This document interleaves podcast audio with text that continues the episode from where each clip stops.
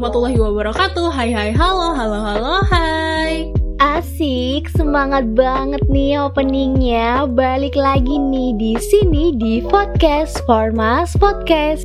Halo Sobat Formas, apa kabar teman-teman semuanya? Semoga sehat selalu, happy selalu, dan balik lagi sama kita host cantik Ada aku Syafa Dan aku Debbie Hai semua, kita balik lagi nih di serial podcast Rush Hours episode keempat Dan hari ini kita bakal bahas tentang mental health dan juga self-management nih Wah, pasti ini relate banget sih sama kehidupan dan juga fase-fase yang sedang kita alami sekarang.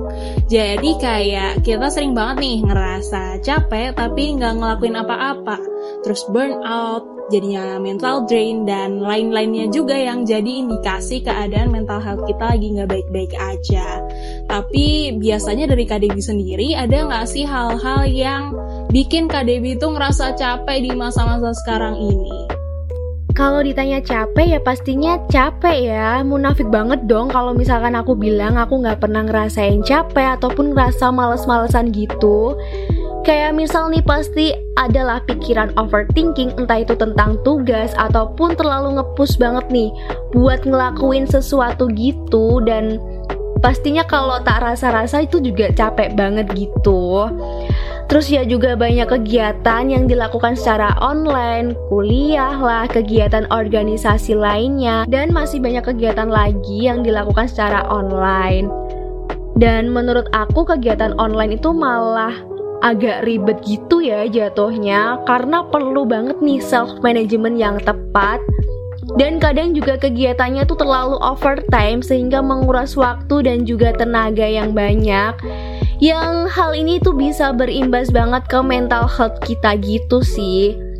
Nah, kalau dari kamu sendiri gimana, Saf? Kamu juga ngerasain kayak gini gak sih? Iya bang sih kak kata Kak Dewi tadi pastinya karena uh, online ini kayak meeting jadi kadang double device ya gitu. Jadi agak suka nggak fokus nih kita mau ngikutin ke meeting yang satu atau meeting yang mana gitu. Terus kayak lagi sering ngerasa uh, media sosial ini, sorry, itu berpengaruh banget karena apa yang kita lihat sering orientasinya tuh lebih ke dunia maya gitu, tapi nggak tahu gimana di dunia nyatanya. Jadi lebih bisa dibilang tersiksa oleh ekspektasi kita sendiri. Uh, jadi lebih insecure gitu sih. Relate banget gak sih sama temen-temen yang di rumah juga?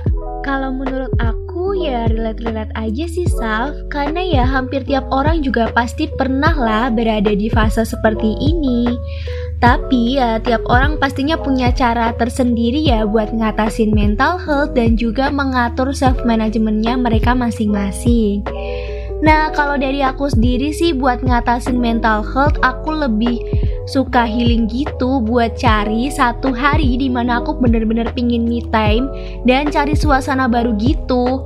Kayak aku tuh lebih suka ngabisin waktu buat sekedar lihat pemandangan yang warnanya ijo-ijo gitu loh.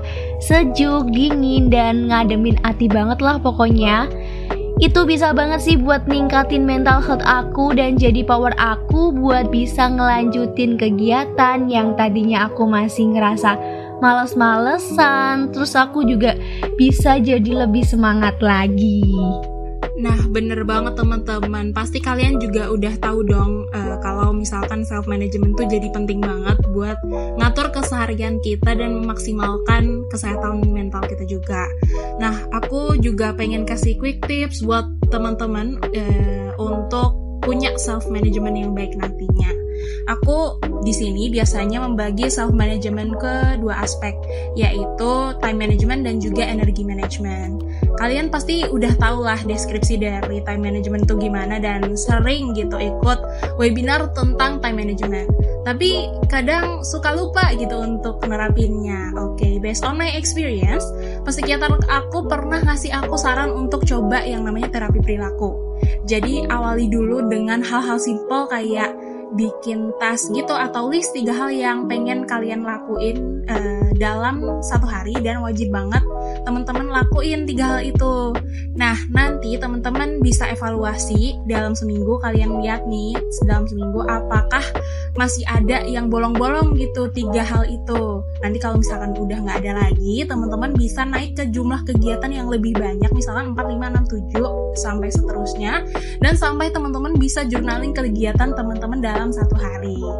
Nah, rasanya akan sia-sia ya teman-teman kalau misalkan time management itu nggak diimbangi sama energi manajemen kayak misalkan kalian uh, punya time management yang baik, punya banyak waktu tapi energi kalian terbuang cuma-cuma.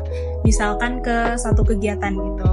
Nah, jadi teman-teman juga harus ingat kalau untuk not to put so much effort di sesuatu dan bisa balance gitu sama time managementnya. Misalkan nih, kayak teman-teman menyelesaikan tugas gitu bisa nih usahakan dibagi ke beberapa hari agar energi teman-teman bisa di manage uh, dengan baik dan bisa untuk ngelakuin hal-hal lainnya.